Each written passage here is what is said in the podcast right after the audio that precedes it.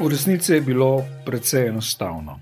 Predstavljal sem si, da bo moj naslednji gost jazz glasbenik. Izbral sem Zlatka Kavčiča, vsi ga poznajo, mogoče zato, verjetno zato, ker je en najboljših, če ne najbolj cenjen jazzovski mojster v Sloveniji.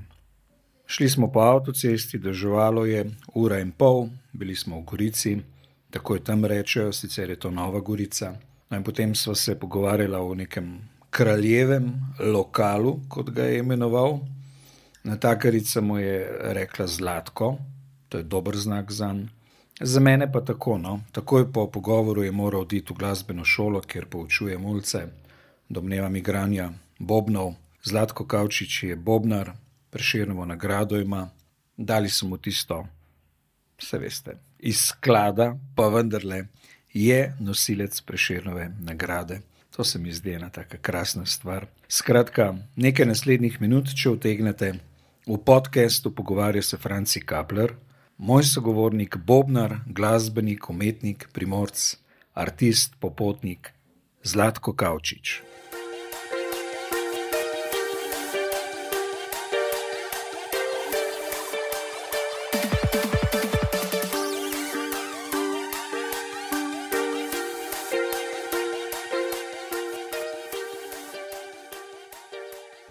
Morda bova nekoliko preveč osebna, ne? intimna.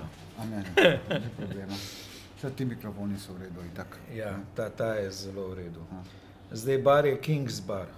King's Bar, ja. King's Bar. To je kraljevi bar, mm -hmm. za kralje. Ja, se, zato sem napisal komat King's Bar tudi na naši e. plošči, ki smo izdali z, z kombotem. Ni, ni slučajno, ne, da smo ne, tukaj. To, to pač sem, kak cen, mislim, po vajah in po v naših vajah se dobimo tukaj, celo v sobotah, petkah. Smo tukaj, debatiramo o življenju, ne o glasbi. Recimo, ne, in situaciji na svetu, kako je v kulturi in, in pač v naši državi specifično. Ne. In pridejo zelo zanimive debate, še posebej teh mladih glav. Ne. Jaz sem pa bolj starejši, nekako moderator, mentalni moderator. Ampak se zmerno gotovi, da smo na isti valovni dolžini. Ne. Po drugi strani je pa res, da ta specifična slovenska situacija je v bistvu specifičnost vsakega življenja. Ne? Zelo malo odkriješ, da je tvoje življenje edinstveno, ker je zamejeno z mnogim, ne samo začetkom in koncem, ne? ampak tudi z možnostmi. Ja, to res je. Pač, Razkorak je neverjeten med tem, kar bi človek želel in tem, kar dejansko naredi. Ne? Ja, ampak življenje je kratko. V tem kratkem času, ker ti živiš, pač za moje notranji sluh in posluh je važno, da nekaj daš v tej družbi, nekaj dodaš zraven tvojega najlepšega, kar imaš v sebi in s tem si polepšaš sam sebe in ostalim. Ne, Kdaj pa vam je res prišlo na misel, da je življenje časovno omejeno? Se pravi, letos moram to narediti, ker sicer nikoli več v življenju ne bom. Kdaj to pride na misel človeku? Ma ne veš, to so bolj take notranje, neka notranja nuja oziroma sila, ki ti nekako vleče kot umetnika, kot ustvarjalca, da, da v določenih časovnih razmikah se pojavljajo nove, nove, nove zgodbe o tebi in potem nastaja v tem danem trenutku, se zavedaš, da nisi večen. Jaz se dosti krat zavedam tega, da mislim, moja filozofija je zelo enostavna, pač živiš v tvojem času, če si glasbenik, če si biciklist, če popravljaš avtomobile, pač ustvariš, narediš v tvojem časovnem času najboljše, kar se da narediti, brez da bi koga ogoljufal, recimo, ne. Ok, sem avtor biciklista, ne tudi, ne, ampak imaš tudi, recimo, profesionalce v biciklu, ki so ljubijo svoj poklic, naprimer, nizozemske, ki sem v tem, ne, so pač ljudje delali bicikle sami s kosami, ki so dobili na mostovih, dali skupaj in prodali za pet, recimo pet guldnov, deset guldnov. Ne. Ampak v tej zgodbi si videl ljubezen, da so imeli radi in to mladi, mladi in stari ljudje. Ne. Isto je v glasbi, ne pač daš maksimum, upoštevajoč tvoj okus in tvoje, tvojo vizijo, inkluzivno. Ne. Psihologi pravijo, da mladost veliko bolj določa človeka, kot se je zdelo do sedaj. Celo če imate recimo dva človeka izobrazbo na isti univerzi, izhajata pa iz zelo različnih socialnih okolij, mm -hmm. je končna razlika velikanska. Skratka, mladost nas zelo določa. Je Ja. Tudi vas. Ja, mladost je, mladost je zmerno fantastična, odvisno z kakega zorna kota gledaš. Ne. Moja mladost je bila prilagojena z več faktorji, ne. zdaj ne bom šel v neki detalje specifične, ampak čude življenja tudi tam, da imaš recimo starše, ki so zelo strogi, ne vem, to je oče policaj in nima rad muziko, jo sovraži in ti si pa obratna točka od, no, od, njega, ker misli. Ne. In glej ga zlomka, kaj se lahko zgodi, da tvoj revolt v sam sebi, v tvoji mladosti, tvoj revolt je tudi, da tvoja magnet hoče, tvoj pol telesa hoče, jaz hočem biti glasbenik, glasbo ljubim, hočem videti življenje, hočeš živeti življenje in greš. Brez da ti kdo da denar in ti reče, sinko, tukaj imaš ne vem, 20.000 evrov, imaš rad muziko, odlično, potem beži ne vem, študirati, ne verjame, da je tam mulj, oziroma ta mladostnik bo šel študirati v glasbo, ker bo gotovil druge poti, da bo lahko do- doživljal in uživljal v življenju. Tako da to- so paradoksi življenja, zato mladost za mene je, je iskrica vsakega posameznika, ker ti lahko zaneti cel kup tvojih sanj in porazov, oziroma tvojih tudi nesanj. In jaz sem to pač podoživljal v, maksimalnem mladostnem času, ki sem doživel to. Ne. Hvala, ko sem prej omenil, hvala, recimo, da me starše, ki niso tako, pač niso privrženci določene pač glasbe, umetnosti. Ne. Kam ste torej šli? A, jaz sem takoj šel, že ko sem v 17 let zapustil delo. Šel. Prvo ponudbo bil kot glasbenik v enem koncertu v Trstu in potem sem zapustil delo. Delal sem nekako kot vajenec v mediju za strojničar, ključavničar. In potem sem dobil to ponudbo in 17 let in pol sem že izdal prvo vinilko, recimo v tistem času. Ne. Samo treba se zavedati, da so bili tota- totalno drugačni časi. Ne.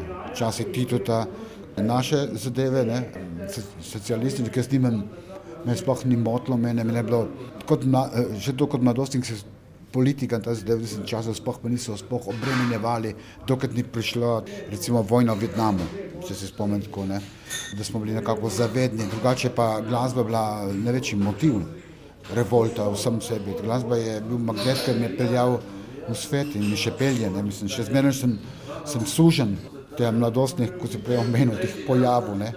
Prav nič, ne, prav nič se ni kaj spremenilo. Dosti. Čeprav imam 30 let, se čutim še zmeraj kot en do- 17-letnik. Ok, lahko ti pošepajo kakšne fizične moči, pripravljen v, v riskantne stvari, sem enako kot da bi bil 17 let in pol zdaj. To je tudi tako. Odvisno, kdo, kako, kaj goji, kdo kaj goji v sam sebi. Ne? Predvsem je odvisno, koliko strasti premoreš, koliko časa. Ne? Ja, Mnogi tudi, ja. v strasti omagajo, pa ne do ženske, ampak do življenja. Ne? Se strinjam. Ja. Jaz sem si nekako to uredil zelo demokratično, to zadevo, da nisem, da glasba je bil motiv, ne, sem se odločil pač življenje za mene je, ko sem zmeral meni odprto nebo in ko v glasbi, ampak nisem omejil moje življenje, da bom rekel, bom glasbenik in bom stvaril družino in ne vem kaj dobil hiško. Ampak sem dal totalni brezpogojnost, sem rekel, življenje je kratko, ko sem prej omenil in hočem z glasbo narediti, zadovoljiti mojih sanj, ampak tudi drugi, ki poslušajo. Jaz nisem nikoli bil egoist v glasbi, sem veren dal in dal Tudi tukaj v Sloveniji že kot po samosvojitvi, pač delam z mulcimi in ne pojenja ta strast ne, v tej zadevi. Je pa vendarle neka specifika vaše odločitev za bobne. Nekdo se lahko odloči za glasbeno kariero, pa igra violino, povsod jih potrebujejo. Že pianisti recimo imajo težave, ker moraš biti fantastičen, da sploh dobiš nastope. Ne? Ampak za bobnarja to je pa v rock'n'rollu morda. Jazz pa takrat, ko ste se vi tega lotili v Sloveniji, skoraj ni obstajal.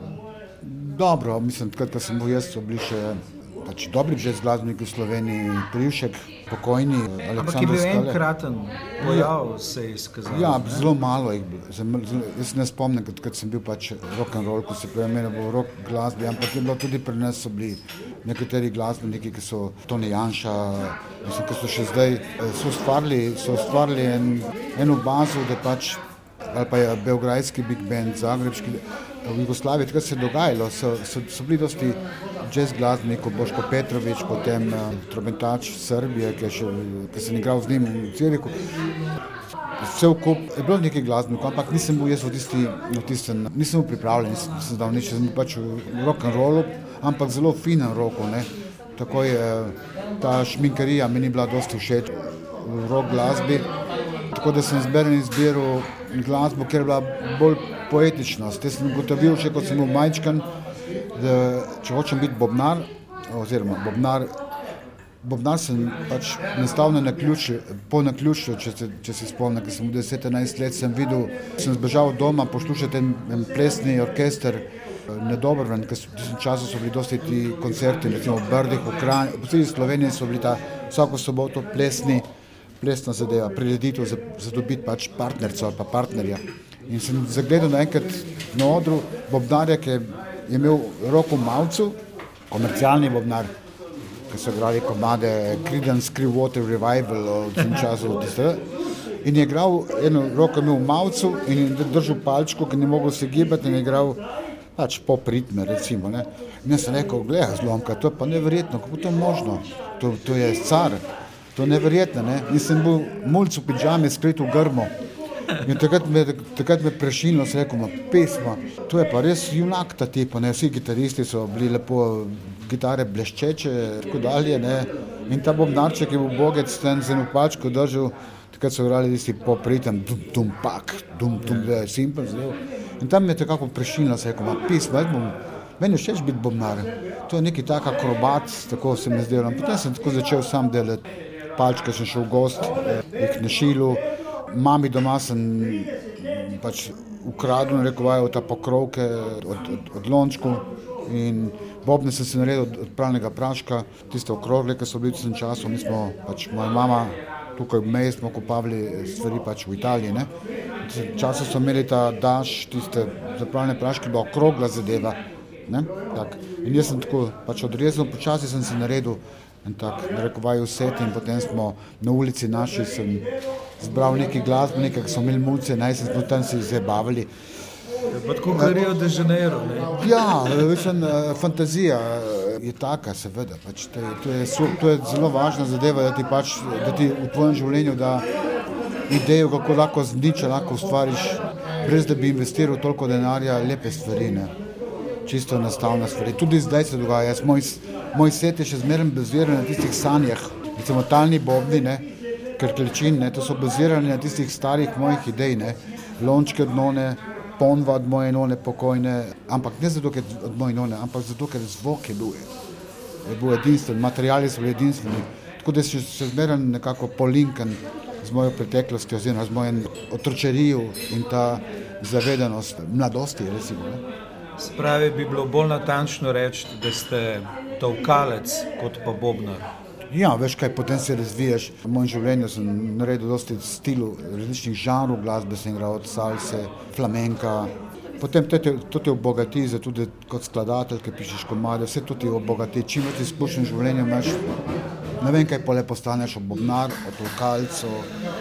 Sploh nima veze, bistveno, da postaneš, da postaneš glasbenik in to, da si več namenski, več direkcionalni glasbenik. To je, je bil zmeraj moj cilj v življenju, ne ostati samo okvirjeni, recimo jazz glasbenik, klasičen ali pa free jazz ali pa minimalist ali pa maksimalist.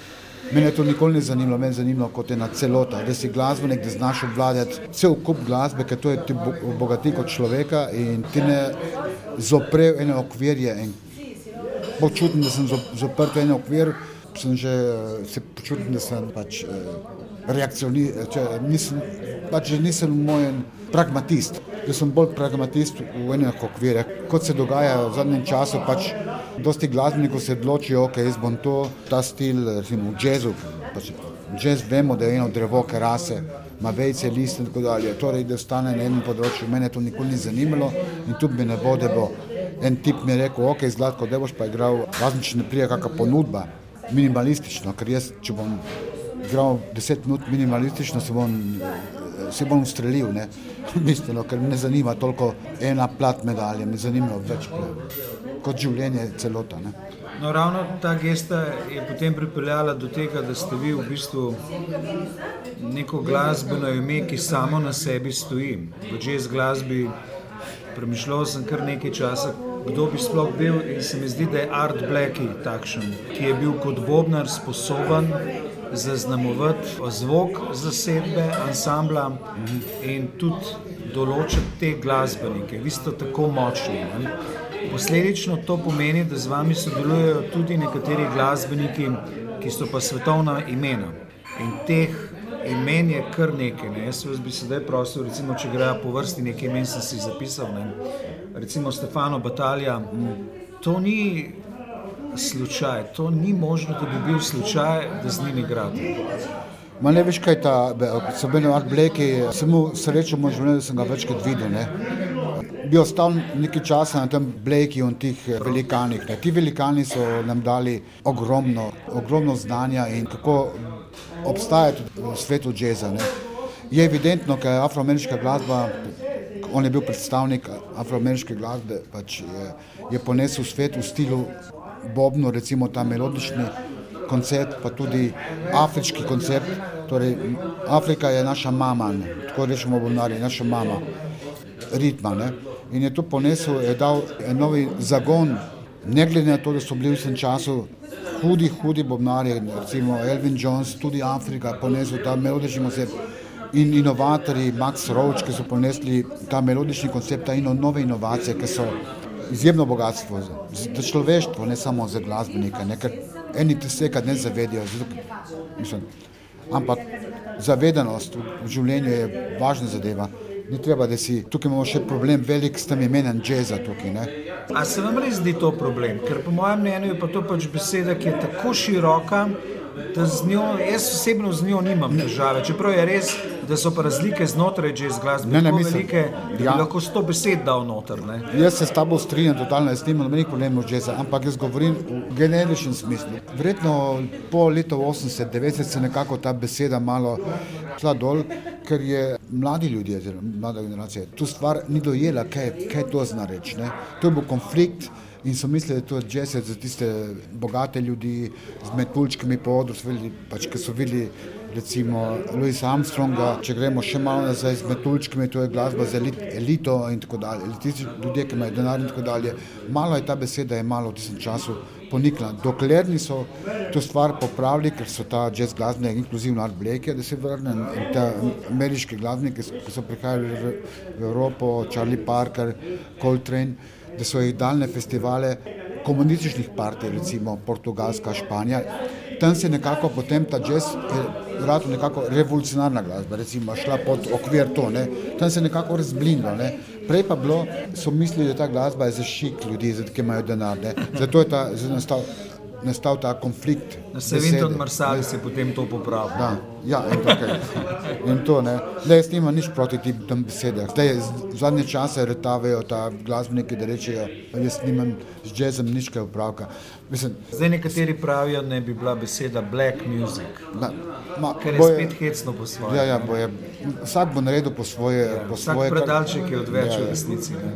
Ampak jaz nimam nič proti ti jazz glasbi, ne. mislim, besedi jazz, ker vemo, odkje prihaja ta beseda, je cela filozofija. Ampak vi zadju, ne. kot mlad človek ste sledili ameriški jazz produkciji, pa potem kasneje recimo ECM-u, ki je bil tako Absolutno, se, pač, v mojem času so bili, nažalost, Evropa je imela dobre glasbenike. Leta, se, od mojega nastanka, ko je, priš, prišel SEM, ne, je bila, Amer, Amerikanci so bili totalno, na, že v času Parkerja, invazija črnskih glasbenikov, ki so postali Ornette Colemana, so postali ti v Evropi, so hodili zelo pogosto, desetkrat več kot tu, zdaj tukaj. Ne. Ker takrat tudi ni bilo davkarije toliko, to je bilo vse na črno plačeno tako, in oni so imeli ta tapete rdeče, ne, so imeli daleč, daleč respekt. Ne. Mi smo imeli naše glasbenike v Evropi, recimo tudi recimo jazzovska glasba ne, se je razvivala takrat britanska, nemška in tako dalje, Albert Mangelsdorf, Globe Unity, angliška glasba z Evan Parker in inovatorji. Je bilo nekaj, ampak ni bilo, ni bilo toliko, razlika je bila abismalna. Ne. Lepota je v tem, da ta glasba se mora pač širiti, da eni prinaša tu. Ne. Zdaj pa, če pogledamo ta 30 let bolj pozen, ne, vidimo, da evropska glasba je zelo na visokem nivoju. Mi smo zelo do, dosti posrkali afroameriške glasbe, z ameriških in še zmeranjo, ampak zdaj se nekako za moj okus in za moje, to, kar ven okoli, se je Evropa počasi grebe ameriško glasbo v kreativnem smislu. Zakaj? Zato, ker dosti glasbenikov mlade generacije, glasbenikov mlade generacije je šlo, recimo, povohati, narekovajo našo, našo kulturno dediščino, klasično glasbo, etno glasbo. V Evropi imamo malo morje tih, vsaka država ima svojo zgodbo, ne? zato dosti glasbenikov je šlo v ta element in so nekako povezali ta, tudi stare komponiste, recimo francoske stare kompozitorje, skladatelje, spektralne glasbe. Mislim, tako da smo ta balansa zdaj šla se dvignila, te jeziček malo v prid naših zadev. Ne. Naša kultura evropska je dosti bolj bogata z ameriške. Ameriška kultura je stara evropska kultura. Če bi ne bilo Art Blakey in teh ljudi, ki so iz Afrike pripeljali to stvar in se nekako pomešala z jazzom, to jim Armstrong, vsi tisti, vsi tisti ljudje, ki so doprinesli, doprinesli ta, ta razvoj, bi nič ne radilo za ameriške glasbe. Zato zdaj ta, ko si prej eh, to vprašanje, pač jaz čutim, da Evropa je zdaj ne predominantna, ampak je dosti, dosti ima za več ponuditi kot ameriška jazz sedanjost, ne glede, da imaš tam super glasbenike, jazz šole, zveneče, Berkeley in tako dalje, ampak Evropa ima več za pokazati na bazi vizionarnosti v glasbi, drznosti tudi. Ne? Čeprav je nenavadno, ko človek razmišlja, kdaj je največ talenta, kdaj je največ navdiha. Recimo v času renesanse so skoraj da samo italijani delali čudež za celo zahodno civilizacijo. Ne? Johna Coltrana ste prej omenili, tisti čas v ameriški jazz glasbi je še danes ključen za vso jazzovsko glasbo. Ne? Se pravi, Evropa, Amerika, vse se strinjam, imate prav, ne? Ampak ta navdih, se v bistvu ne veš točno, odkje in kako se zgodi. Ne, ne moreš ga umetno sprožiti. Ja, se strinjam. Ampak, če govorimo samo o teh inovatorjih, ne kot trener inovator, to je bil glasbenik, ki je umrl mlad, 41 let je ustvaril, vzemo njega kot, kot, kot en, en, glasben, en specifičen glasbenik, genialc, recimo ga daš lahko bog Picasso, bilo vrhunski. Ne? Kako ga daš bog našemu srečko Kosovelu, recimo, kako je to možno, da človek umre 41 let, Koltren je neprestano vadil v postelji, pod posteljo, v to letu, neprestano iskal, iskal, iskal, dokler se ni žemu. Do, do, do. On je bil navdih, je dal vedeti vse svoje glasbe, je dal vedeti matematika in jazz, kako deluje ta kako deluje ta spiritualnost v glasbi. Modalno duhoven človek. Ja. In zadnji moment življenja, kako je razkosil na prav faktor, vse tiste, ki je on prej nekako že pokazal, ne, torej igral free kot otrok. Torej.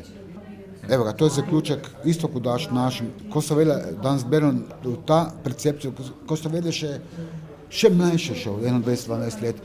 In jaz spoh, zavedam, da je spoh razlika, ali je on glasbenik, ali pa je. Mislim, kako je to mentalno, fantastični ljudje so to. To so navdihi, recimo, jaz sem Kosvel še zmeraj moj navdih življenja, ne in bo.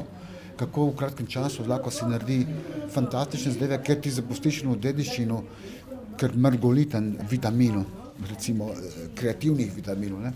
Kdo je bil sploh srečko Kosovel? Jaz tega nisem nikoli razumel. Ker toliko malo časa, kot je ustvaril, potem pa vzameš njegova zbrana dela. Da, da smo preskočili, da, ja, ja. Pojed, da ne morem drugače. Ne? Ja. Ampak dejansko ne. Neskončno veliko vrhunskih tekstov je napisal v tako rekoč parih letih. To je tisto, kar sem te prej pravil, veš, tista notranja enuja. Ne? tako se zadeva. Ker, to je bil izbruh, tako kot Rimbo. Ne, ja, ne moreš to nekaj opisati, to ni besed. Vprašanje je, če bi ne? potem sploh lahko še, Rimbo potem ni mogel več.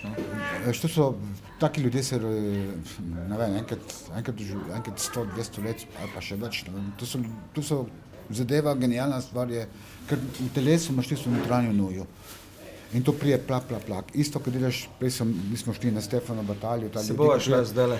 uh, to so momenti, jaz govorim z moja skromnega, skromnega vidika, neke notranje čute. So neke percepcije v življenju, ki ti prije kar mimo tvoje glave, lahko tudi v komadah, ki pišeš, lahko si en teden dni si na inštrumentih, iščeš, iščeš, zrite kak novo zdevo, ne prije nič ven. In v danem trenutku si lahko na biciklu, ki me se dogaja, dosti krat ti prijena melodija, XY, mumf v glavo in to stane tam za večno. Ne. To so take, tu govorimo, mislim, jaz, o teh ljudi, to so taki izbruhi, ki so Kosovo, recimo, da ne piše serijo, serijo, vsaka poezija ti pusti en pečat za popizditi. Mislim, da besedno ti vrže ven, ne, samo Ampak to je bilo izven serijsko, to ni bilo je, primerljivo z ničemer. Ja, ja, ampak tudi to ni bilo primerljivo z ničemer, da je ta vsebina, ki je on napisal, da še danes, naprimer, Evropa umira, recimo, ja, ta problematika z Evropo, da so težave. Govorimo o 1925, zdaj smo pa 2016, recimo, ne. Fantastično. Ja, Evropejci ne znamo to urediti. Ja, ne, pač to kreganje, ta zadeva. Ja, ja, ja, ja. Torej, on je že to predvideval ta zadeva, ta, ta, ta, ta spoj. Že šlo mimo že sto let. Ne? Ja. Približno pol ure je moj sogovornik Zlatko Kavčič. Če ste opazili, pravi, da je biciklist, za mene je vrhunski umetnik, uradno bobnar, jazz glasbenik ali pa samo glasbenik. Zlatko Kavčič, sedaj le bova nekaj vrhunskih glasbenikov komentirala, s katerimi ste sodelovali. Stefano Batalja, najprej začniva z njim. Ne, če sta, pač smo igrali skupaj, kadar hočeš narediti eno plato, loščo, določene glasbe, izbereš določene glasbenike, da ti pač dajo ta. Ne, to, ne, to ni ne, res. To, ni. Ne, ne, hoče povedati. to, to je v idealističnem svetu res. Ne. Drugače je pa dejstvo, da je to pomemben evropski glasbenik in ne igra z vsakim. Ja, ma, z vami pa igra. Ma, ja, ma, to ni, to, veš kaj, uh, stvar je spoštovanja, se vsak ve, kaj kdo ustvarja v glasbi, se to ni, to ni, to ni nič novega. Ko sem prej nadaljeval, uh, če hoče narediti eno, eno, en projekt, recimo, ga povabiš noter, jaz sem povabil njih, ampak smo se že poznali že daleč, davno, smo hoteli že igrati skupaj, recimo 15 let, ampak ni ratalo in tako dalje. Jaz tudi nisem muzike napisal specifične za tak stil, ko on igra, ne. In uh, Pavlino de la Porta, ki je še tretji član, je, tudi poznamo že od leta 1986 z Amsterdama. Tako da ljudi, ki, si, ki, ki izbereš za en določen projekt, izbereš za to določeno glasbo in pika. Ja, če Daj, nekoga ne, v Amsterdamu spoznaš, ga ne pozabiš. Ne, ne, ne odvisno, saj, vse, odvi, vse odvisno, ni, ni problema. Tako da bistveno tukaj ni uh, zagate v tem, zakaj, zakaj je ta ta glasbenik noter. In velja za ostale, za ostale projekte. Ne? Če hočeš narediti, kot je Zeven Parker in Duo, ki smo posneli tudi, pač Jazz Festival v Ljubljani, specifičen smo naredili en tak projekt v duetu, z, posvetili Mike Osbornu, pokojnemu britanskemu saksofonistu, ki je on poznal in jaz sem tudi sodeloval z njim.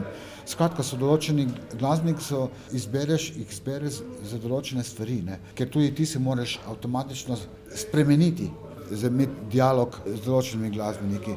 Nik, da boš ti naredil neke, kar neke zadeve. Določene stvari so za določene ljudi. Ne. Kar sem prej omenil, meni je všeč ta več, več uh, direkcionalnost v glasbi, ne. raznolikost v glasbi mi je zelo všeč. Natalija nima nič veze z Kevin Kenny Willerjem napisano, ja, pa, ja. oziroma je melodičen, s Kenny Willerjem je kompatibilen, ampak ok, so melodič, melodični igravci, eni so kreativni, eni so free jazz, eni so ne vem kaj, tako da To moraš se zavedati, s kom ti. Se, se rodite vsak dan znova, z vsako jezovsko zasedbo znova, ali se trudite, ali, ali iščete ta trenutek. Se mi zdi, greš v neko drugo mesto, drugače diši, drugačen je zvok, drugi glasbeniki so čist nekaj drugega kot te, recimo, ponedeljek igraš z enimi, v sredo z drugimi. Koliko se lahko spremenite? Ma, veš, koliko ste je... lahko na novo, koliko je možno biti svež, živ, drugačen? Zmeraj si na novo ko igraš prvi, zato je lepo, jaz imam rad zelo prvi ta, prvi dejt, prvi sestanek na odru. Normalno z glasbeniki mi ne govorimo, mislim, prej, ki smo mul, mlad smo se zmerno pogovarjali o glasbi, ker bomo, pred ko smo šli igrati kaj, recimo, z improvizacijo, radikalno, neko radikalno, ampak za me improvizacija je normalna, jaz sem ti si pogovarjamo, to je komunikacija. Normalno ti glasbeniki, ki so menili, ok, Stefano, ja, moraš se z njim pogovoriti, ampak če si pogovarjaš z glasbenikom kot Evan Parker, kot so Augusti Fernandez, te nove, pač ti improvizatori, se ne pogovarjamo o glasbi pred koncertom, ma nikoli. Aha, nikoli. Da je Vem, ja sveže, da se ja, pogovarjamo v, v drugih zadevah. Ne, sploh nima veze to, da bo sveže. Stvar je v tem, da princip improvizacije je to normalnost, da pač vsakeč, ko greš na oder bilo s kom, Poslušaj ga. Eno od vaših sodelovanj z Zlatko Kavčič je Paul McCandless. Zdaj, to je vrhunski glasbenik, ki ima pomembno mesto v jazzovski glasbi. Ampak ima pa Paul McCandless tudi pomembno mesto v poslušanju glasbe v Sloveniji. Namreč skupina Oregon je bila nekaj let v Ljubljani daleč najbolj priljubljena jazzovska zasedba. In reči Zlatko Kavčič in Paul McCandless, to je neverjetno. Ma ne, mislim, ne, neč neverjetno. Normalno je, pola, pola sem prvič povabil 2001, ker je tudi isto, ki je pač odkupil, se spomnim, mi je rešil pač zagate ekonomske, ker smo vzeli zlati čole. Ja, ja. Takrat sem povabil tudi tam, ne, recimo ta plata ima eno specifiko vojnice, da je zlati čole, pa sem po svetu pač Kosovelu od začetka kraških do zadnjih um, razkolitve svojega življenja, etc. Povabil sem McKenlesa, ki je unikat, on igra oboje, ki je zelo delikaten instrument, igra ta French horn, francoski rok, vse, tudi klarinete, klarinete saksofone, piščalke, soprano, skratka, in Steve Lacey, še en inovator, ki je za me eden največjih inovatorjev na soprano, izjemen človek. Ne? In daš ta spoj skupaj. Prvi sta bila skupaj, fantastično. In posneli, ustvarili to zadevo. In naš poseben, mislim. No, ampak vi ste poslušali verjetno Oregon tudi, tako Ja, ja, kot sem- drugi v Ljubljani. Ja, jaz sem, sem dobil informacije že od njega, že, že ki je bil davno, davno, davno prej. Ne? In je bil en, edini, eh, pač, skoraj na svetu, da je znal improvizirati na oboje. Ta, ta instrument je kot težek, ne? Težava je z dihanjem. Ne? Ma z vsemi z jezički, z, z, z celo zadevo. On je pa velik profesionalc, on je snemal za filme, snemal za to, pač je bil unikat. Ne? Ampak še ta francoski rok, ki je še bolj težak s temi jezički. Ne? Unikat je in tam je bil tako navdušen, pač, da smo postala pač prijatelja, smo imeli še več stvari skupaj v kvartetu in potem sem dal še celo temu mojega ex-učenca Samo Šalamona, da je prišel noter prvič, prvič z njim, da je igral, ima to že, ker smo bili v Kranju na koncertu. Tam, Sem tudi jaz bil. Si bil tam? Takrat še njega sem dal noter, ker smo imeli še pole dva koncerta v Italiji. Ne? Skratka, ta zadeve so zelo važne, da ti ljudje, da ti inštrumenti daš tudi eno pozornost, recimo, ko si prej tu vprašal, zakaj to, zakaj oboje, da ti improviziraš v določeni glasbi, napisani glasbi, je super zadeva, je zelo, zelo unikatna zadeva. To je res, samo ne smete pozabiti, da ste vi Bobnar. Ja, samo to ni, pač brez Bobner, on je, on je To je saksofonist. ne. izredno unikatna povezava inštrumentov. Ne? Ker je zdaj, recimo Ja, v Sloveniji imamo velik pojav, da je harmonika kar naenkrat pomemben inštrument in ni samo inštrument Lojzeta Slaka. Recimo.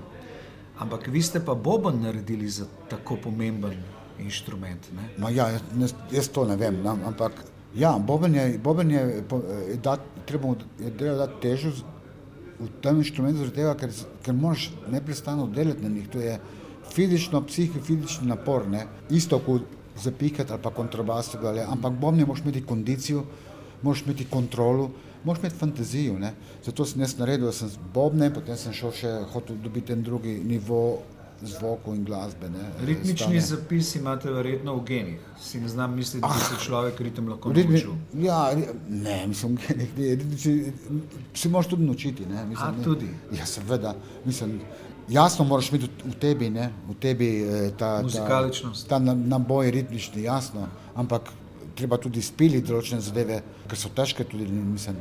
Drugače pa ta ciklus ritma nekako mora biti v tebi, brez, da bi, brez zapisa. Ne. Sodelovali ste še z dvema glasbenikoma, ki jo je nujno potrebno komentirati. Najprej Steve Lacey.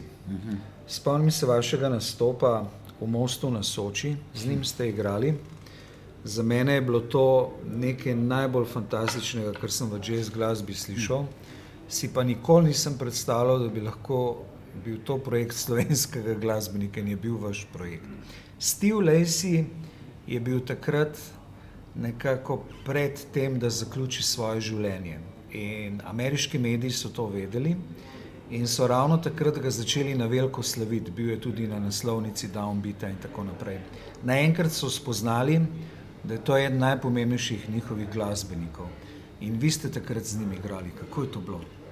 Ne vem, če so to, eh, ki so omenili, da, da, bi, da je končal, da bi končal uh, življenje. Čez nekaj cikl. let eh, je pač umrl. Ne, ne, ne, ne, ne on je ne, še bil. Steve Dol, uh, 1999 smo bili v kanalu, mi, tako smo imeli projekt Monka, smo naredili. In si spomnim ta koncert, ki je posnel Radio Koper in ima še doma. Lik zdaj ga isto obdeluje na straka, da bo dal nekaj. Vse smo šli skupaj, ja, okay. koncert. In si spomnim, ja, ker smo igrali ravno od midnight, po, polnoči, ki bil zvon, ki so Steve. Ja, ja. ja Steve, je, Steve potem, ne, smo še bili, Steve, Steven smo še igrali, smo imeli še turnej v, Italiji, jaz ga spoznal 1982, prve posnetke, tudi istok ima v Valenciji, v Španiji, takrat sem ga spoznal, ker je bil on živel v Parizu. Uh, je bil veličina. Ne? Ja, seveda, on, on je inovator, uh, inovator na soprano poseben, on je monk, frik, poznavalec Monka, igral je z njim. V Ameriki je bil malo je bil zapostavljen, pa šel v Evropo, je dobil več koncertov, naredil svoj kvartet, svoj sextet in tako dalje. Izjemen glasbenik, ampak tudi izjemen človek. Ne? In potem smo bili še, in zadnjič, ko smo bili skupaj, prej kot umrl, mislim 2008, smo bili še, jaz sem naredil takrat, on je bil na Zlatnem čovnu 2, to je bilo 2002, in potem smo še igrali skupaj, kjer smo v Italiji, 2004, mislim ta datum, sem malo nisem, nisem siguren. In potem je on tarnil, da bo pač se preselil, se bo preselil v Boston, ker, ker so ga v Franciji lovili daceri. In, uh, in že ima hude težave. Se je preselil, se je preselil v, v, v Ameriko, Boston. Ja. Ampak če se vrne nazaj, že ker je bil tukaj v Cankraju domu, ko smo imeli, ko smo imeli ta projekt za Dičoln, me je že potarnil, potarnil da, da se počuti slabo. Ne je vedel, kaj ima, samo ni, jaz sem tam sumil, bil zelo nervozen, tako ni bil, ni bil uh, recimo, normalen, rekovaju. In potem sem vprašal, je Žan Žaka Venela, ki tudi vedel tega je umrl, še ta fantastični francoski basist, mi je rekel, je, da nekaj se tam dogaja, ni hodil nič povedati. Ne. Ampak ok, smo bili tam, smo bili zvek zjutraj na šanku, tam na hotelu Levo in pili, vem, uh, konjak, ne vem kaj, in potem se nekaj tam dogajalo, sem videl, nekaj se ampak on je igral na tisti plati, je fabulozen, fantastičen. Skratka, ti so ljudje, jaz sem 27, 27 let, ko sem prvič igral z, njimi, z njim v Španiji, ne, ga, smo ga povabili, naša šola Talier del Musicos v Barceloni, smo ga povabili in takrat s kontrabasistom, z Eduardom Portugalcem smo naredili našo turnejo v Triu, kjer smo posneli ta Revox, smo posneli 1281, mislim, samo 27 let, jaz takrat sem prvič z njim igral. Super! tak glasnik, kot je bil on, on mi dal pač tudi ene največjih nauk v življenju. Ne. Daj glasbenikom informacije, pomagaj glasbenikom, bodi socialen. Ja, on je imel vse zapisane v eni knjižici, imel napisane vse tiste nauke od telone smonka, kako se obnašati, nauke, što se. Ja. Ravno obratno ne. od Malsa Davisa. Recimo. Ja, ampak ok. In za me je bila velika, velika čast igrati s tem, s tem človekom, biti zraven njega. Že, to je bila cela, ne rabiš iti nobeno šolo. Si samo dve uri in si naučiš v glasbi, se, kako igrati za tempo, kako to, kako drugo, kako poslušati, kako emocionalno, emocionalno si ne brzdati, oziroma kako biti integralen v glasbi. To so take nauke, ki ne, ni nobeni knjigi, ne obstajajo. In uh, jaz sem v to srečal, mislim, med njimi Steve Lacey in drugi bil Paul Blay, recimo taki glasbenik in tretji bil Albert Mangalsrov, vsi pokojni. Ne, so, ne navadno, ravno Paula Blaya sem želel omeniti, ampak bom vsem prej ostal pri tem le. Steve Lacey se mi je zdel glasbenik, ki je lahko igral ure in ure, to je moja predstava v glavi. Kako ste pa vi vadili za nastope, recimo pa za snemanje? Ne, ne, eh, vadili, recimo, tako, ki si ti bil v kanalu v Soči, ni, nismo vadili niti pet minut, ker je bil ta kontrabasist Mark Abrams, je zamudil in je prišel malo 15 minut prej, smo, smo si samo zapisali, kaj je komaj od Monka in potem smo šli direktno igrati. Kar se tiče drugih posnetkov z njim, zelo malo. Mislim, da smo v Barceloni vadili, je prišel moj plac, ki je bil tak obupen, smrdljiv od čiku, alkohola, ker smo vadili več skupin noter, ampak tam smo lahko šli vadili eno uro, takrat smo igrali pa originalne komade od Steve Laceyja ta posnetek z Valencije, Jazz Festivala v Španiji, je, smo igrali komade od Steve Laceyja. In tu, so, tu sem zelo ponosen, ker smo igrali zelo dobro. In takrat smo bili še mi mulci, ne? jaz sem kontrabasist, on je bil zvezda. Takrat na festivalu so bili Paco de Lucia, Larry Coryell, mi smo bili recimo avangardisti v tistem času. Ne? So prišli ti glasbeniki vrhunski, eh, nam čestite, da smo kako se drznemo nekaj takega igrati. Ne? To so moji spomini za tiste čase. Ne? Ampak smo imeli, ko sem ti rekel, prej mladost, ima ta iskrce ne? in če imaš pred sabo enega, enega genialca, izvleče od tebe še tiste, kar ti nikoli nisi mislil, da boš. Paul Blay, ki smo ga prej že omenili, je v nekem intervjuju dejal, da bi bila za njega idealna situacija, če bi lahko snemal nove plošče na tri dni.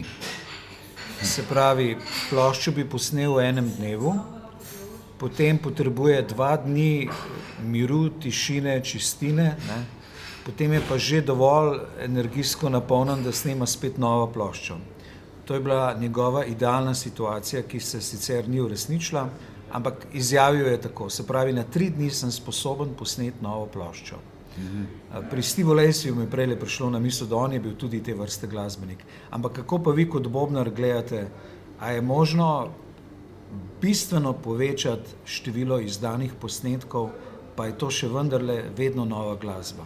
Seveda, odvisno od partnerja, koga imaš na odru. Mislim, razen če nisi napisal muziko, glasbo, ko si prej omenil Stefano Bataljo, če si napišeš pač komad o komadi, mhm. rabeš nekaj časa, da, da, da, da, da, da, da rotiraš ta, ta sistem, da poveš, kaj je zahteva. Če pa graš improvizirano glasbo, z X, Y, recimo, zmeraj vsak dan, vsak moment je nekaj novega.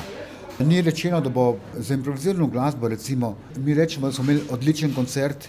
Je recimo od enega seta, ki ima 45 minut, recimo, da je 15 minut, 20 minut dobre glasbe, 5 minut, lahko 6 je magične glasbe. Ostalo je, se rešuješ na rekovaju, če sem pošteno. Ali pa iščeš, recimo. Ja, ali pa se iščeš tam kole. V začetku se bolj iščeš, potem, ker stvari tečejo. Ne? Ni Zelo redko se zgodi, da boš slišal kakšne redko. Se zgodi, to obstaja, da imaš eno uro pa deset minut, da je turbo. Ampak s človekom, ki nikoli nisi igral, ne z bendom, ki že imaš pripravljeno in tako dalje. Z eno osebo, ki nikoli nisi igral, da ti rate ta zdaj obstaja možnost. Ne. To so tisti kemične, tiste reakcije, telepatske, ki ti lahko narekuješ idejo, si prilepiš na, na, na idejo tipa, obratno se igraš igraš, kot bi rekel, eno šah partijo, recimo improvizativno z, z takimi glasbami, obstaja ta možnost. Ne.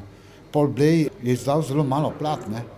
Mislim, a, ni bil tak hiperaktiven, ne, izdajo plat, ampak tiste, kar je on izdal, je postil velik pečat, ne. Zadnja, ki je izdal solo, ne vem kje, preko, mislim, je umrl v začetku januarja, pač to leto, ja. to leto so šli, dosti, dosti odličnih glasbenikov, mislim, tudi iz jazz polja, ne samo s pop zadev. Pa, pa mislite, kaj na to, ne toliko kot ta nenavaden splet dogajanja, koliko jih letos umre, ampak kako pomembna je smrt za nekoga, ki je ustvarjalec, ali ga morda še bolj določi, še bolj pospeši njegov ritem dela, truda, da bi čim več naredil, zavedajoč se, mm. da ga morda jutri več ne bo. Pa to dobesedno velja. No, ne verjamem, da, da, da, da, da, da to da ne bom, bom v kontradikciji z mojim. In, to se pač, to je, to je cikl življenja, to je normalna zadeva. Se moramo zavedati, normalnost življenja, to je živiš, umreš, to je normalna stvar. Zdaj vsi pričakujemo, da bo taka, da, da bo vsak imel eno, eno tako lepo smrt. Vzemi, ko hočeš, mislim, vsak je svoboden, da se lahko naredi svoje življenje, kar hoče. Smrt je, je zakrožen cikl tvojih, tvojih zgodb. Če si glasbenik, če imaš tako srečo, recimo, jaz tako pravim, smo vsi enaki. Če en človek, recimo Ferrari, Enzo Ferrari, je naredil svoj avto, Ferrari, zdaj je znan po celem svetu, je nesmrtni. Mislim, z nebesom živa to gledati, vse svoje prototipe, modele. V glasbi je isto. Če si srečen, recimo, da je tvoja plata tam in da ti boje, kdo si naučil kaj, da bo potegnil še naprej, zahvaljujoč tvojim idejam, naprej, super, mislim, ampak tako je, ne, mislim, ti živiš v tvojem času in v tvojem času lahko si skregan z sistemom življenja na tej obli, ali pa doživljaš ekstaze v smislu zadovoljstva, da prodajaš, da imaš ne vem koliko denarja, deset hiš in da tvoja glasba je univerzalna zadeva. Ne? Mislim, zdaj za me je vsak moment, ki ti narediš, izdaš knjigo ali pa ploščo ali pa film, je, je tvoj moment, ki uživaj ga. Mislim, žive, kar se da, ne, ne glede, da, da, da sistem ti, ti, ti presionira, da, da politika te stisne kot z davkem, iz, da sazasti uničave, da ni več, ni več placa za igrati za mlado generacijo. Starejši smo že, že za odpad, recimo, ne, take stvari, ne. Ampak pol, blej, ne, se naveže na njega, jaz sem se navezal na njega, je, da on je vse te momente, jaz sem mu srečal, da z njim debatirati ta filozofijo življenja in ni bil daleč od tega, kar jaz mislim. To so momenti življenja, ki narediš in življenje si vzameš lepo v tvojem času. Ne. Zdaj lahko pizdariš in pljuvaš vse okoli, kar ti, kar ti paše, imaš pravico. Ne. Ampak ok, če si pač umetnik, če si za to pridn, ne vem kaj, za, za tvoj poklic, da narediš lepih zadev za to družbo, jaz sem pozitivno nastrojen v tem smislu, da ti, ki ustvarjaš na zadevo, je dobro prid za vseh, ne samo za te. Ker čeprav dosti ti reče, džezisti so egoisti, ta so egoisti, glasbeniki so egoisti. Ja, jih je dosti, ampak ti si te pravi, naredijo stvar, ki daje svoje, svojo stvar ven izdajo, je dobro prid za vseh, ko moj kombo, ko moj pač, ki delamo. To je moje delo in otroci so, hvala Bogu, da so si sfajtali, da so to stvar, to štefeto, da so bojo podajali naprej in jaz upam, da bo tako. Ne? Švica, Avstrija, Nemčija imajo izredno glasbeno sceno in tudi tradicijo preteklost. Headhut založba izdaja številne te glasbenike. Vam je uspelo sodelovati z Petrom Brojcmanom. Berlinska in druge nemške scene so neverjetno močne. Bi človek pričakoval, vsaj jaz dobronamerno, da bi veliko več sodelovali s to glasbeno sceno. Boste še morda ali nimate kakšnih posebnih ambicij na tem področju? Na kogo misliš? Kako misliš? Brojcman. Tudi drugi nemški avstrijski glasbeniki. Z Brojcmanom ne sodelujemo več, zato mi je, mi je dobesedno ukradel mojo punco, ne? Barbaro Korum. Tako da z njim smo, ja, ja, pet, tako da smo, smo končali, da so malo hecen, ampak, ampak ker sem odkrit in pošten, pač ne sodelujem z njim zaradi, ne vem, po treh mesecih me je samo napisal, Zlatko, sorry, sem ti ukradel, oziroma pač tako rade da zdaj z barvo, ko smo bili pač skupaj tri leta. Ne, z Brosman, ne zaradi tega, končala se je ta zadeva, Brosman je, je že iz, izpet, mislim, živi samo na, na, na svojih zadevah, zelo malo zdaj tudi improvizira, ker ima probleme s pljučami, mislim, ne.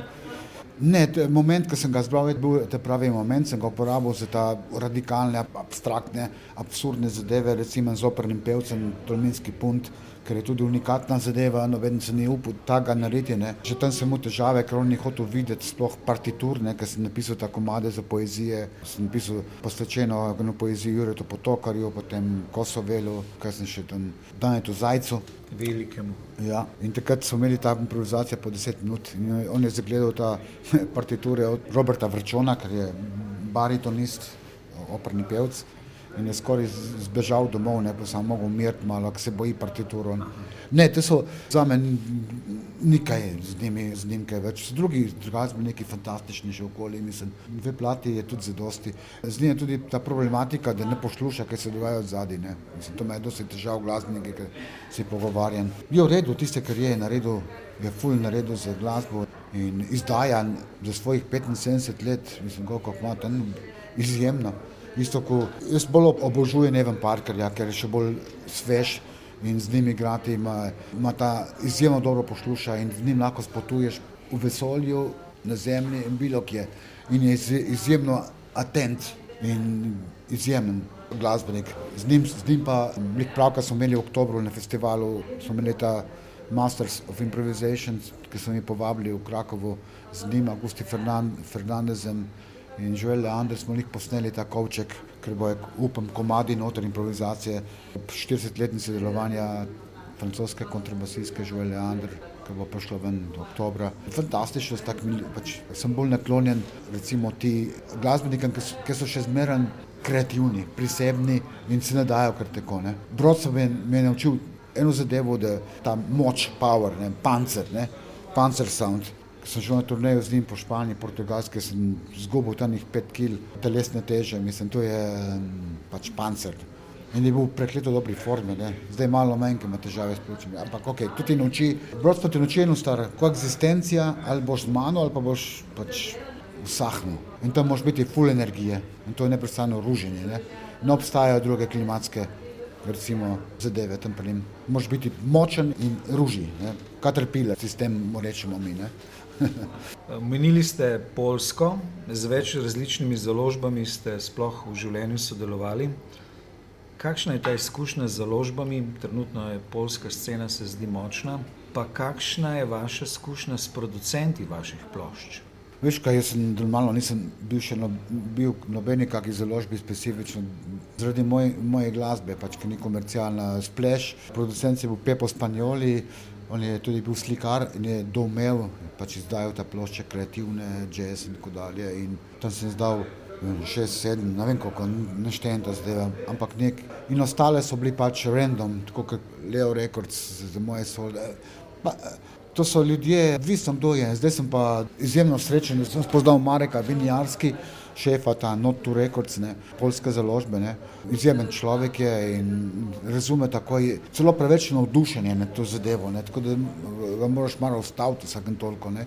Da dobiš človeka, da, da ti razume tvojo glasbo, da ti podpre, ne, jaz sem, sem končno ta založba, recimo lahko rečem moja založba Not to Records Polska, ne, so bili tudi eden izbranih med najboljšimi mladimi založbami 2011-2012 v svetu, teh kreativnih založb, zdaj prednjačijo Clean Fit, Portugalci, ker sem rekel Poljaki, a Poljaki me nimajo krize, nimajo recesije, torej tam obstaja še, še kakšna možnost za preživetje, ne, medtem ko ostale, prej si tudi omenil, ne, Švica, Avstrija, Nemčija, ne pozabimo, da so od zadaj za jazz festivale večinoma so banke, pri nas ni več, pri nas imaš banke z harmoniko, kot ste omenil, ne, ni več, imaš Švicari imajo vemo, kakšna je bogata država, ima zmeren ta Švajcar, še bank, zmeren v CD-jih, ti so menil hardcut. V Švici imaš tri, štiri založbe, ki so intakt, ki so zelo močne založbe. Ne. Ravno zaradi bank, v bistvu. Ja, banke so principijelne. Ne. V Nemčiji imaš Goethe inštitute, v Avstriji imaš tudi banke. So države, ki še zmeraj ustvarjajo nekaj tam. Ne. Ostalo dol pač malo. Ne. V Italiji imaš par festivalov, ki je Porsche od zadnji, tam avtomobilske industrije.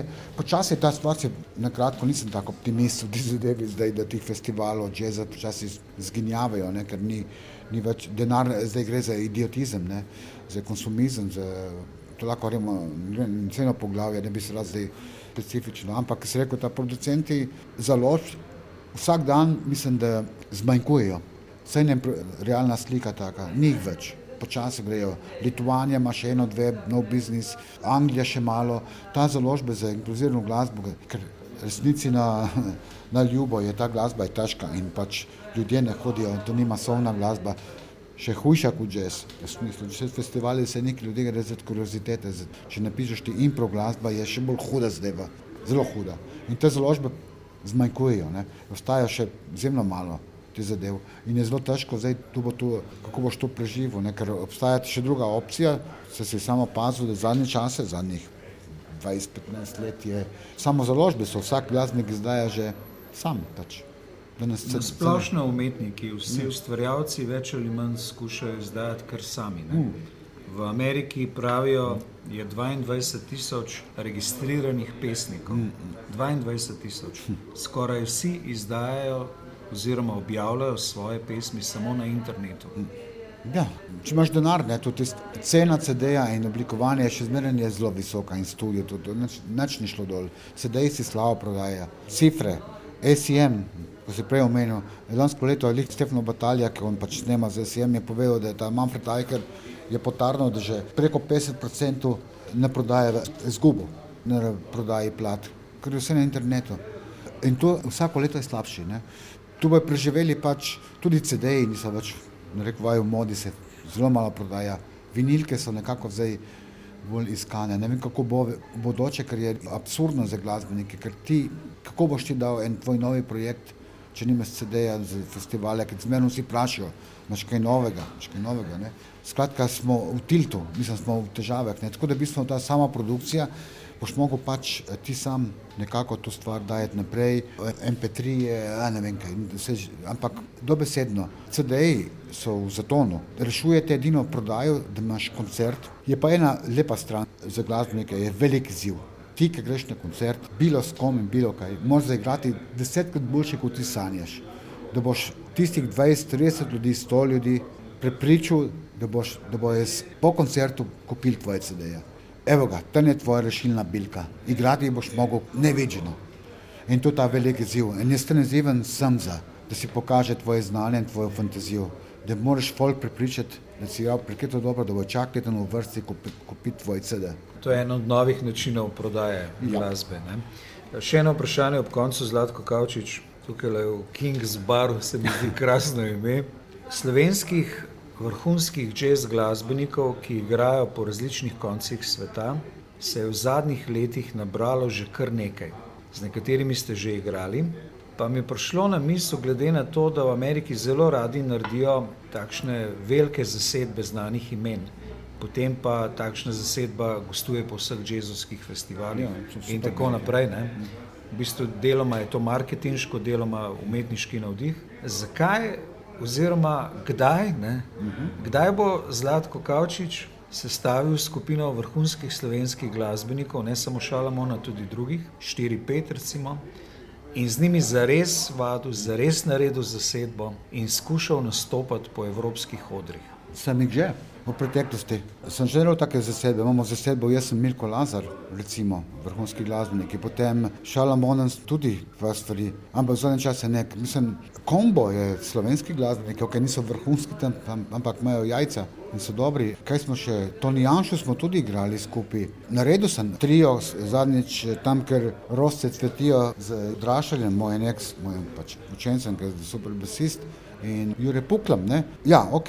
Ampak če vzamete ja, bom... Šalamon, Jure Pukal, Kaj Dragster, Zlatko Kavčič, to je bi bil že kvartet. Ja, veš kaj, manj en problem tukaj, ne? velik problem. Večina teh glasbenikov, vse so dobri, Jure Pukal, jaz jih še vidim kot zelene jabolke. Ne? Jih ne vidim, sem nek testiral nekatere. Nisem dobil nobene spiritualnosti v glasbi, nisem dobil en kik, eno brco, da bi kaj videl. Nažalost, sem delil, sem prenesel moje komade. Recimo. Neke stvari so se jim zataknile. Če glasba nima teh sebin, moči, spiritualnosti, direkcije, jaz se ne res nekaj tudi, jaz pač ne vem, kaj delam tam noter. Ne. Jaz glasbo, ne, če nima glasba neko moč, spiritualnost, direkcijo in me ne zanima. Mislim, res, mlada generacija, okay, so pridni, večinoma ti glasbeniki so prihajajo še ene od tega, hočever prihajajo iz bogatih družin, ki jih subvencionirajo in že to me nekako ne paše, kaj plate, ki jih poslušam, se mi zdijo matematično, mi ne dajo neko, da bi rekel, wow, kaj pa to, to pa res so dobri.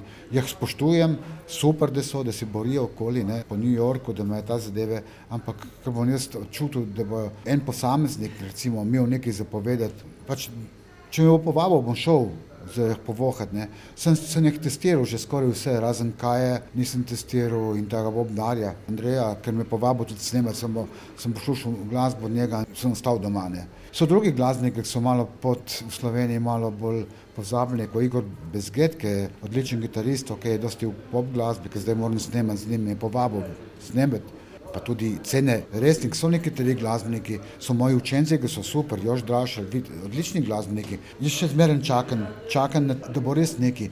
Preveč nekaterih preveč pompajo zadaj, kot da bi bile zvezde, ampak zvezda je tista, ki naredi koncert in, ti dvigne stolice in šel, greš domov in rečeš, wow, ta pa bo dober, mislim čakam na to zadevo in sem še mlad in upam, da jih bom kdaj dubo v kakšni zadevi. Ne nočem nekaj slabega v tej zadevi, ampak če hočeš biti dober glasnik, moraš pojesti in kup dreka in bluza. Mislim, ne to, da boš zdaj ta mlada generacija, ima dosti, eni se kar prelevijo z bibopa, grejo na free, drugi ne vem kaj v minimalizem. Eh, skratka, hočem videti, ne videti, slišati neko drz, ne drznost, neko hruško rumeno, ki jo ugrizneš in je tako sočna, sladka. Jaz hočem že to od teh ljudi. In potem, ko bom to rekel, jih bom sam šel čestitati in dati dol šapo, bravo.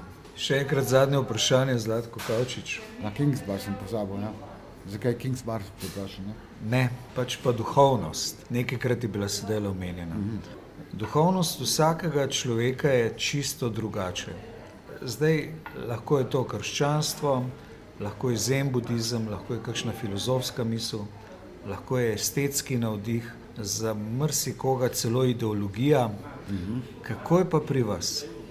Duhovnost je vsak, prej smo menili Koltrejna, Lesija, Polbleja, vse ti glasbeniki, ki sem bil z njimi, ki pač poznal, nek, v bistvu so neko duhovnost dojeli kot en stik, dotik sam, sami s sabo in svojim inštrumentom.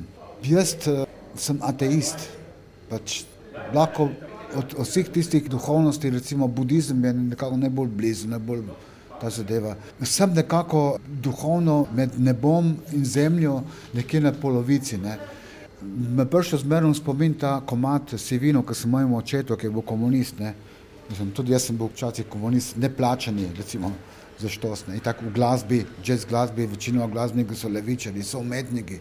Nisem v šansi v življenju poznati koga desničarja, od tega ne vem. Samo nikoli nisem se toliko upletel v te politike, me ne zanima. Mislim, ta primerček sem se nekako, ker je moj oče preko umrl v raka in gledal lepo nebo, je bilo vse vina, jasno. In gledal nebo se mi je takrat zdelo odprt, da nekako vsi neki z glavo težimo k temu, da gledamo. Ne? Tudi če si ne vem kaj, ti si rekel, da si ateist. Ne? To je tak konflikt interesov, bi rekel. Rečeš, da nisi duhovno upleten, ampak nekako vsi gledamo v zvezde, v tiste vesolje, vidiš, ko sem rake, on je verjel v. Ne? V, v, Meni je dal ja? tečaj nekaj ur ja. o svojem modrovanju ja, okay. v Avstriji. Tako da, sem, eh, ja, tako da jaz sem nekako, če moje duhovno življenje je med nebom in zemljo. Nekako. Verjamem v neki in ne verjamem v neki. Mislim, nekako nisem, nisem opredeljen, če bi rekel. Ampak verjamem, da in dovolim, mislim, dovolim sam sebi, da lahko si kaj spremeni, da verjameš v kaj, ne? da verjameš v tvojo notranjo, notranjo moč. Ker mi imamo kot humanoidi, vsi imamo izjemno notranjo moč, če hočemo. Lahko spremenimo marsikaj. Smo izjemni v tej zadevi kot humanoidi, izjemno močni. In naredimo, vsak se naredi zase, verjamem totalno to individualistično stvar, da vsak si svojo duhovnost si podredi sam sebi in jaz si podredim moje zadevi med glasbo, ki mi daje to moč izražanja in vesolju. Zlatko Kavčiš, hvala. Ja, hvala tebi.